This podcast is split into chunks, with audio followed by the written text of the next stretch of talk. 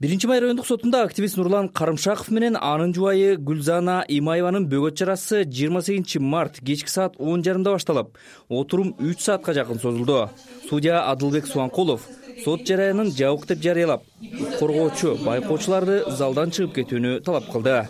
Ага каршы чыккан укук коргоочу рита карасартова судья менен кайым айтыша кетти. Хотя бы мыйзамды айтып койсоңуз кайсы мыйзамдын негизинде биз бияка катышканга укугубуз жок экенин мен айтып атпаймынбы жабык сот отурумунда карап бергиле анда бизге токтом бергиле эмне себептен жабык сизге бере албайм.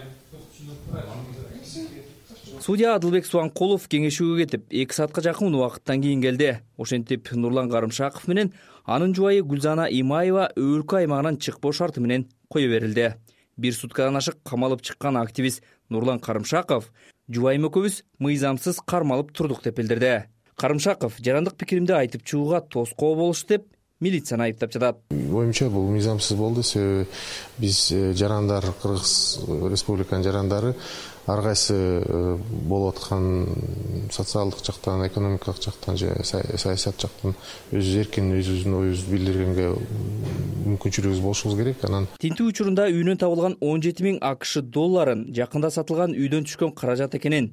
Ал эми балкондо катылып турган куралды атасынын көзү өтүп кеткенден кийин эч ким пайдаланбаганын далилдеп берерин белгиледи ошондой эле активист чет өлкөдөн башпаанек алуу үчүн жасалган аракет деген сындарга жооп берип жакында эле мексикага таанышына барып келгенин билдирди.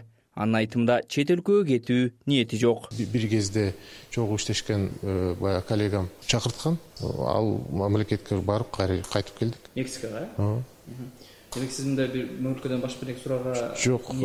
эгерде керек болсо жанагындай посадочный талон барып келгенин э, баардык э, далилдердин баарын көрсөтсөк болот эгерде ошончолук эле каалап атышса. Активисттин жактоочусу замир жошев аларга каршы мыйзамсыз кине коюлуп жатканын жарандар ачык пикир үчүн милицияга кармалышын одоно мыйзам бузуу деп эсептейт.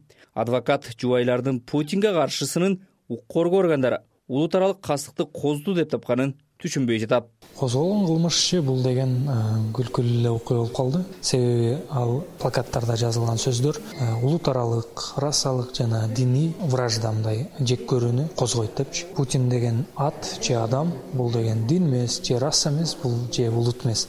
Ошондуктан бул абсурд да.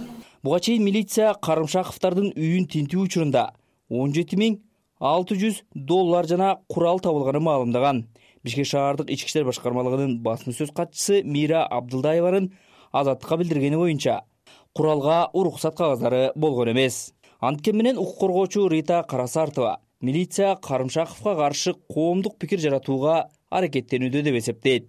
Укук коргоочу милиция активисттерди камоо үчүн оор айыптарды ойлоп тапкан. Э, ар бир адам өзүнүн оюн эркин митингге чыгып айтканга укугу бар.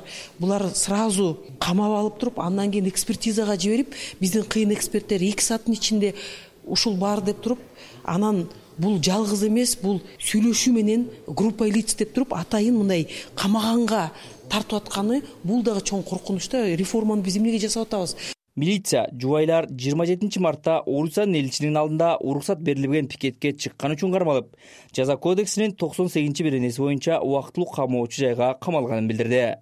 Мындан тышкары бишкек милициясынын басма сөз катчысы алар колдоруна кармап чыккан плакаттарда улут аралык кастыкты козуткан чакырыктар болгону соттук лингвистикалык экспертиза тастыктады деп маалымдаган. Коомчулукта активисттин кармалышы ар түрдүү талкууланып жаткан чагы. Токтосун шамбетов азаттык